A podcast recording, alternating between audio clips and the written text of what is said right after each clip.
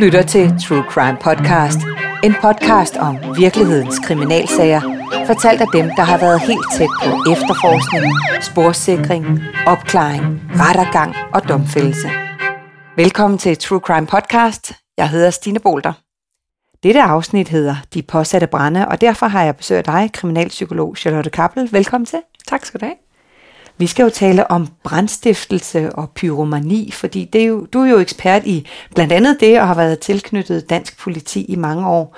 Kan du ikke starte med at fortælle mig, hvad har været den værste sag om brandstiftelse, du kender til? Og altså, der er jo, altså brandstiftelse er jo øh, stort og voldsomt, og øh, stadigvæk meget et mysterie, øh, som kan være forholdsvis svært at opklare, heldigvis mere i udlandet, jeg vil sige, end i Danmark. I Danmark har vi langt bedre fat på det, end man har mange steder i udlandet. Øh, men det er jo rigtig voldsomt, og det er mange omkostninger, og det er mange... Øh, det tager også nogle, nogle menneskeliv undervejs, og jeg tror, at den sag, der måske har påvirket mig mest, har nok været den første morbrand, jeg stødt på i min egen forskning inden for brandstiftelse. Øhm, og der altså politiet, dansk politi er rigtig gode og rigtig grundige til de her ting med at undersøge brandsager, og de tager rigtig mange billeder, og de er rigtig gode til at tage billeder. Øh, så det første, første brandsag, jeg rent faktisk så, så havde jeg også kigget på de her 50 plus billeder, eller hvad der nu var. Øhm, og det var så et, et offer, hvor jeg simpelthen, der fulgte mig i, i flere uger bagefter, hvor jeg simpelthen sov med lyset tændt, for at Nå, sige det sådan. Er det rigtigt? Ej. Og det tror jeg, det skal man også lige være klar over, selvfølgelig, når man går ind i den her branche, at der kommer nogle rimelig voldsomme ting, man kommer til at stå i bekendtskab med. Mm. Og det gjorde jeg så her. Øhm, og, så det har nok været den sag, der har påvirket mig mest. Øhm, for ellers så vil jeg sige, at der har været... Øh, mange forskellige brænde rundt omkring i, i verden, der ligesom har været store og voldsomme, også herhjemme. Jeg vil sige generelt, så tror jeg, at der, hvor det går ud over skoler, det er der, hvor jeg sådan er mest øh, på, tror jeg. Øh, og det er simpelthen fordi, at det er der, jeg, sådan som jeg ser det, at man har en chance for at få fat i en gerningsmand, som rent faktisk øh, er i starten af sin karriere, hvis man kan sige det sådan, øh, og man har chance for at vende ham rundt til at få et produktivt liv i stedet for at sætte ild. Så det er sådan måske lidt anderledes, jeg mm, tænker på det ja. på den måde. Um. Så du tænker, fordi ofte bliver en påsat brand på en skole jo øh, sker det i weekenden eller om natten eller mm. noget af den stil. Men du tænker mere på, det er gerningsmanden bag, og, og hvem er det så typisk ved en skole? Netop med sådan en, øh, og i et i bykvarter specielt, øh, der har man at gøre med en gerningsmand, som er den første spire til en seriebrandstifter, øh, og gerne, det er ofte mænd. Øhm, og derfor er det så nogen, som kan gå hen og blive meget, meget seriøse og virkelig koste samfundet nogle store penge i, på lang sigt. Og man skal jo tænke på, at når man snakker brandstiftelse, så snakker man ikke bare af den skade, der lige umiddelbart er sket. Det er også for eksempel for virksomheder, hvis det sker der, at det er den tid, det tager at genopbygge virksomheden igen. Øh, der kan ryge nogle kunder væk, øh, som går et andet sted hen. Så på den måde, altså det har rigtig mange øh, forskelligt. det er som ringe i vandet, det, det påvirker rigtig mange steder. Men mm. det med skoler er netop det her med, fordi at det er en gerningsmand, som man tit ser, øh, der starter de her steder. Han er måske lidt utilpasset øh, og har lidt problemer øh, med at bonde med andre folk og generelt med hans jævnaldrende. Øh, og så bliver han den her enlige single øh, brandstifter og starter et sted og får ligesom afreageret for sin frustration, måske på den her måde. Men han er tit en, man virkelig skal have øje med, fordi det er der, de starter, dem der tit bliver nogle af de værste af dem.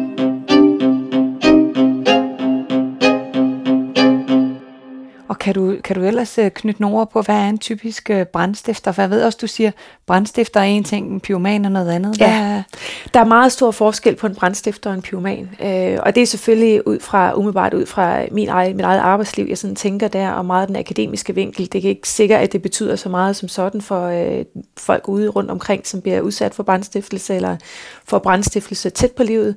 Men øh, der er bestemt stor forskel. En brandstifter... Øh, er en, som gør det måske øh, på grund af forsikringsvindel. Det kan også være frustrationer eller hævn. Det kan være øh, kedsomhed, øh, et eller andet. Det kan være sådan noget i den retning. Der er også en del, der er psykisk syge, for eksempel. Øh, så der kan være rigtig mange årsager til, at man bliver brandstifter. En øh, pyroman er man sådan set, hvis ikke man har nogle af de andre klassifikationer på sig. Så det vil sige, at man må ikke gøre brandstiftelse på grund af noget som helst med penge at gøre. Man må ikke gøre det på grund af noget, der har noget med hævn eller frustrationer eller kedsomhed at gøre. Man må heller ikke gøre det på grund af psykisk sygdom. Så kan man ikke være pyroman. Øhm, pyromaner gør det sådan, sådan set, fordi at de kan godt lide ilden. Og det er lidt den her, vi sådan tænker på, den her gamle typiske pyroman, der ligesom har for en eller anden anden øh, tilfredsstillelse ud af at sætte ild og kigge på ild måske, og vende tilbage til, til gerningsstedet, de her ting. Øhm, det er den, der sådan er den typiske pyroman, men der findes ikke ret mange af dem, og det er det, der mange gange overrasker rigtig mange folk. Men det er jo som sagt det, at når man skal man skal udelukke en pyroman ved, at han, det må ikke være noget med økonomi at gøre, det må ikke have noget med hævn at gøre, eller følelser generelt, det må ikke have noget med psykisk sygdom at gøre, så er der bare ikke ret mange tilbage. Så det er jo selvfølgelig, altså man kan sige, at det er et spørgsmål om definitionsspørgsmål, men det er stadigvæk en, et væsentligt en i, at man ikke kan kalde en hvilken som helst brændstifter en pyroman, fordi det er han rent faktisk ikke. Mm. Men det gør øh, journalister nok typisk. Det gør man helt sikkert. Bare skriver, det var en pyroman, der er på ja, spil. Ja, det lyder øh, lidt mere spændende måske også en ja. brændstifter, ikke? Så, jo. Ja. Men det vil sige, at den her, det her billede, vi har af, at alle, der sætter ild, de er seksuelt øh, opstemt, når de, øh, når de gør det, det, det kommer kun fra fiktionens verden? Eller, eller det hvad? er meget, meget få. Altså jeg kan sige, i et, et forskningsprojekt, hvor jeg har arbejdet med brændstiftelse alene ud af, af rigtig mange sager, langt over 700 sager, øh, der var der kun en, der sådan havde en lille bitte snært af pyromani, sådan umiddelbart jeg kunne se ud fra, fra det materiale, jeg havde arbejdet med i hvert fald. Øhm, og det er ifølge den akademiske verden, som jeg jo ligesom holder en, en del der, hvor forskningen foregår og alt det her, altså det, det er meget, det, det sådan ligesom det er. Altså det virker, der er ikke ret mange øh, mere end det, så det er faktisk meget få, der rent faktisk kan klassificeres som pyromaner. Hvorfor sætter man så ild? Det gør man for eksempel, fordi at man måske øh, er i økonomisk nød og vil gerne have nogle penge. Øh, der har jo været nogle sager nu igen, også en jeg kun har fra medierne, men øh, Silke, Silkeborg politibetjenten, som på et tidspunkt satte ild. Øh, han har jo også gjort det, fordi han synes ligesom, at han skulle prøve at, han havde brug for nogle flere penge, og han øh, sådan ja, han ville sørge for, at det så lidt underligt ud, selvfølgelig også, hvis det kun var hans hus, der brændte. Så der var flere andre forskellige ting, der ligesom også skulle med ind, så det ikke bare var øh, hans hus, der brændte, så at mistanken faldt på ham. Men altså, der er flere forskellige ting. Der er sådan blandt andet øh, forsikringsvindel, men det kan også være politisk, så det kan være et eller andet spørgsmål om, altså det kan man jo sige, hvis det er øh, rebeller, for eksempel ungdomsrebeller, hvor man render rundt og sætter ild til biler, eller noget andet i den retning. Det er jo meget rebel. Altså det er jo fordi, man er utilfreds og frustreret over en situation, og der er man jo, har man jo sjældent tanke på, at man skal skjule sig. Der er det jo meget vigtigt nærmest, at man ser det, men man helst ikke tages for det, men man vil gerne ses, når man gør det. Øhm, og så er der også altså dem, som øh, vil af med en partner. Altså det var sådan en som de første morbrænde, jeg så for eksempel. Det var simpelthen, hvor han ville prøve at slette spor øh, fra en anden. Han har prøvet at, at slå en, en bekendt ihjel, øh, og på den måde prøvet på at, at slette sporene simpelthen ved at sætte ild til det hele, og så kunne man så se de her billeder bagefter af det her moroffer eller brandoffer.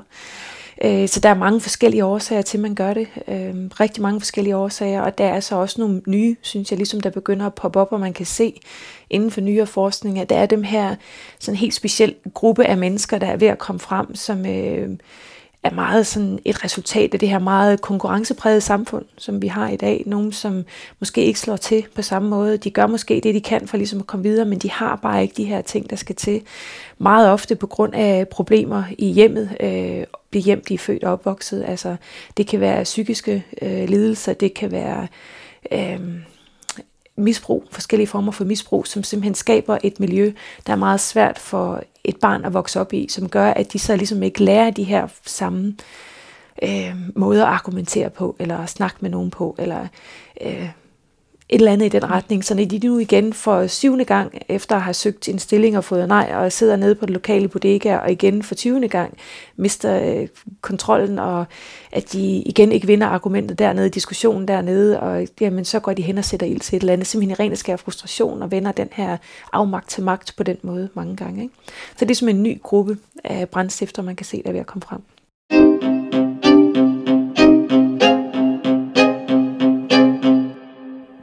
Hvad er det for nogle udfordringer, som politiet støder på, når de skal efterforske brandstiftelse? Altså det, man jo har været meget opmærksom på øh, fra for eksempel engelsk side, øh, er jo meget det her med, at øh, i England er det også helt galt. Altså der er der noget med, at der er kun 8% af alle brandsager, som rent faktisk øh, bliver opdaget. Øh, og ud af dem, så er der 2%, hvor man ligesom finder en gerningsmand, og ud af de 2% er der 2% yderligere, som bliver drejet til ansvar i retten. Så det er en meget, meget svær proces. Og det, man ligesom snakker meget om der, men også flere andre forskellige steder i Europa specielt, øh, og lidt i USA også, er jo det her med, at man mener, at man har ligesom den her idé om, at ved en brandsag og et gerningssted for brandstiftelse, jamen der er sporene brændt væk. De typiske spor, som vi bruger, er brændt væk, så vi skal måske tænke ud af boksen og bruge noget helt andet, og ligesom sige, jamen okay, det her virker ikke her, så vi skal prøve at finde på en anden måde at gøre det på. Hvilket så har været det, jeg har prøvet at gøre med det geografiske gerningsmandsprofilering, som rent faktisk virker ret godt på brandstiftere. Ja. Øh, men det er sådan nogle ting, som virkelig... Øh, betyder noget for, om vi opklarer en sag eller ej. Det er det her med, jamen, hvad, er, hvad er der for eksempel i omgivelserne også? Fordi der er også nogle omgivelser, som inviterer mere øh, til brandstiftelse eller anden, en anden form for kriminalitet, for eksempel herværk, end nogen gør, øh, end nogen andre gør. Ikke? Så nogen, der har man rimelig godt tjek på det. Om det så bevidst eller ej, det er så en anden ting. Men man kan helt klart se, at de her steder, som øh, gang på gang bliver udsat på brand, for brandstiftelse, de har nogle helt specifikke tegn rundt omkring, som er i miljøet, i nærmiljøet, som øh, ikke er de steder, som ikke bliver, som de kan ligge lige ved siden af hinanden med en 1500 meters mellemrum, og det ene sted bliver ramt igen og igen og igen, og det andet gør ikke, og det er der selvfølgelig en årsag til, og det ligger langt de fleste gange i miljøet. Mm. Ja. Hvor er det spændende, Charlotte, og du ved jo en hel masse om det, men vi når desværre ikke mere i dag. Men i stedet for, så må man jo komme ud og så opleve dig på et af de foredrag, som True Crime Agency formidler med dig rundt om i landet. Tak fordi du kom. Tak. Det var alt her fra denne podcast, De Påsatte Brænde. Du lyttede til True Crime Podcast, præsenteret af True Crime Agency. Jeg hedder Stine Bolter, og du kan læse meget mere om virkelighedens kriminalhistorie på truecrime.dk, hvor du også finder flere udgaver af True Crime Podcast.